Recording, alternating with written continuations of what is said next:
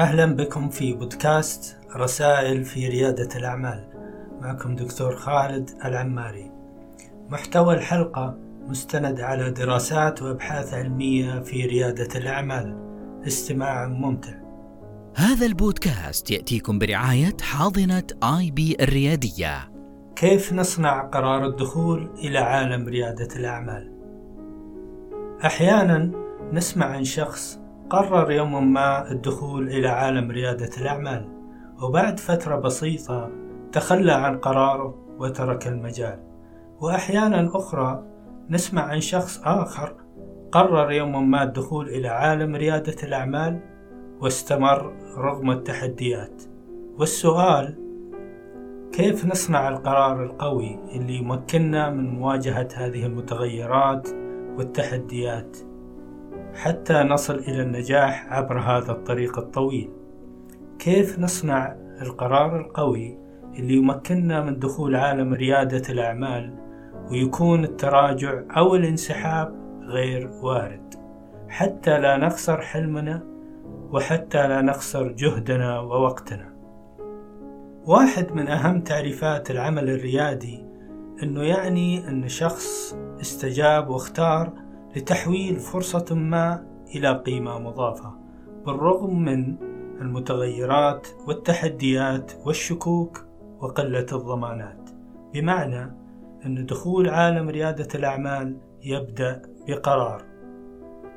في البداية مهم جدا أن نعرف المراحل اللي يمر فيها الإنسان قبل أن يقدم على فعل ما. تقول النظريات أن فيه أربع مراحل أساسية وهي مرحلة ما قبل القرار ومرحلة ما بعد القرار وقبل الفعل ومرحلة الفعل وأخيرا مرحلة ما بعد الفعل. ونحن الآن نتكلم عن مرحلة ما قبل القرار. يا ترى ماذا يحدث في هذه المرحلة؟ وكيف نستفيد منها للخروج بقرار قوي يحمي حلمنا في سبيل ريادة الأعمال؟ في حياة مليئة بالأمنيات والرغبات والحاجات. نعرف جيدا أن الإنسان بطبيعته لا يستطيع أن يملك جميع الرغبات في الكون من حوله. عشان كذا لابد من قرار يحدد فيه أي الرغبات ستصبح هدف بالنسبة له. وهذه هي مرحلة ما قبل القرار. نبدأ المفاضلة بين رغباتنا نحدد إيجابيات وسلبيات كل طريق وبمجرد ما نختار تصبح هذه الرغبة هدف من أهدافنا. هذا يعني أن في مرحلة ما قبل قرار الدخول إلى عالم ريادة الأعمال يكون عندنا خيارات مهنية كثيرة ومختلفة. وعندما تتزاحم الرغبات والأمنيات المهنية نبدأ نقارن ونفاضل حتى نختار. ولنفرض أن أحدهم قرر اختيار طريق ريادة الأعمال. في تلك اللحظة تحولت الرغبة إلى هدف مهني.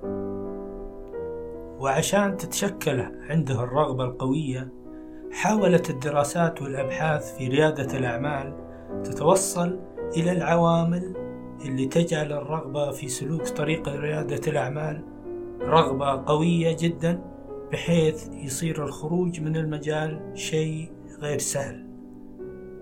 لكي نحمي ويحمي كل شخص حلمه وما يستسلم بسهولة وبالتالي يستفيد المجتمع من الرواد ومن مشاريعهم وبالفعل توصلت الدراسات والأبحاث في ريادة الأعمال إلى ثلاث عوامل مهمة متى ما توفرت راح تصنع لنا الرغبة القوية في دخول مجال ريادة الأعمال واللي تتحطم عليها جميع التحديات والصعوبات المستقبلية. أول هذه العوامل اللي تصنع القرار القوي هي الانطباع والصورة الذهنية عن ريادة الأعمال. يعني بمجرد ذكر ريادة الأعمال يا ترى ما هي الصورة اللي تظهر في ذهنك؟ هل تظهر صورة إيجابية مثل الشغف والحرية والنجاح؟ أو تظهر صورة سلبية مثل المشقة وقلة الفرص والفشل؟ هذه الصورة الذهنية عن ريادة الأعمال هي مهمة جدا لأنها تعطينا المعنى والدافع والحماس لسلوك طريق ريادة الأعمال. وبدونها يصير التخلي عن مشروعنا أسهل ما يمكن. وهذا الكلام أكدت عليه تقارير المرصد العالمي لريادة الأعمال واللي ذكرت أن أحد أهم أسباب تفوق بعض الدول في عدد الأنشطة الريادية هو الانطباع الإيجابي والصورة الذهنية المحفزة. فهم يعتبرون هذا الطريق مسار مهني جيد ويقدرون من يسلكه. بينما الصورة الذهنية في دول أخرى هي صورة غير إيجابية مثل أنهم يعتقدون أنه لا توجد فرص كافية أو مناسبة ويعتقدون أيضا أن ريادة الأعمال خيار مهني غير مهم. هذا الانطباع كان أحد أسباب انخفاض عدد الأنشطة الريادية في تلك الدول. ثاني العوامل اللي تصنع لنا قرار قوي لدخول ريادة الأعمال هو النظرة السائدة في المجتمع من حولي. بمعنى ما هي وجهة نظر المقربين من حولي كالأسرة والأصدقاء في التوجه نحو العمل الحر؟ وهل يوجد بينهم نماذج نجاح في هذا المجال أو العكس؟ تزداد الرغبة القوية لدى الأفراد في سلوك ريادة الأعمال في حال كان الناس من حولهم يدعمونهم للتوجه نحو العمل الحر. ويحفزونهم على ذلك. بينما تتأثر هذه الرغبة سلبا عندما لا يدعم الناس من حولهم التوجه نحو العمل الحر ولا يعتبرونه خيارا مهنيا جيدا. وثالث العوامل اللي تصنع القرار القوي هو وجود الثقة في نفسي وقدراتي على خوض غمار العمل الحر والنجاح فيه. فكلما كانت نظرتي إيجابية زادت ثقتي في نفسي. وكلما كانت البيئة من حولي داعمة لي زادت ثقتي أيضا وأيضا تزداد ثقتي بالممارسة والتدريب والقدوات الناجحة في المجال من حولي.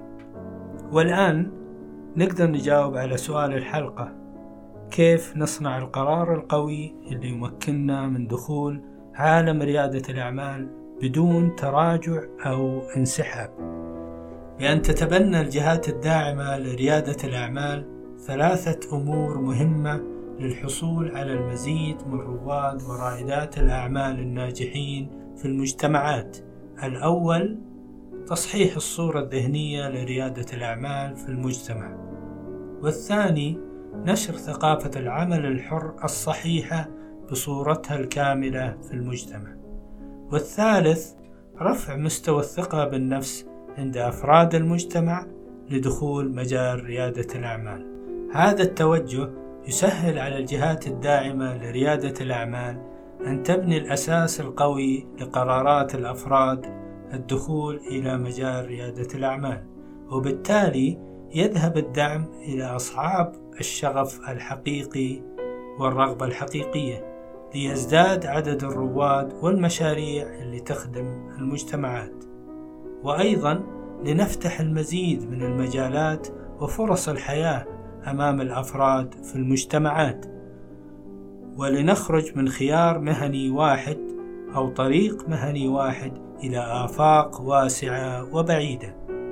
ولنعطي الصورة الكاملة لمجال ريادة الأعمال حتى نساعد الأفراد على اتخاذ قرار دخول عالم ريادة الأعمال بشكل واضح ومبني على أسس قوية تحمي أحلامهم وتخدم مجتمعاتهم وتضيف إلى إنجازاتهم في الحياة.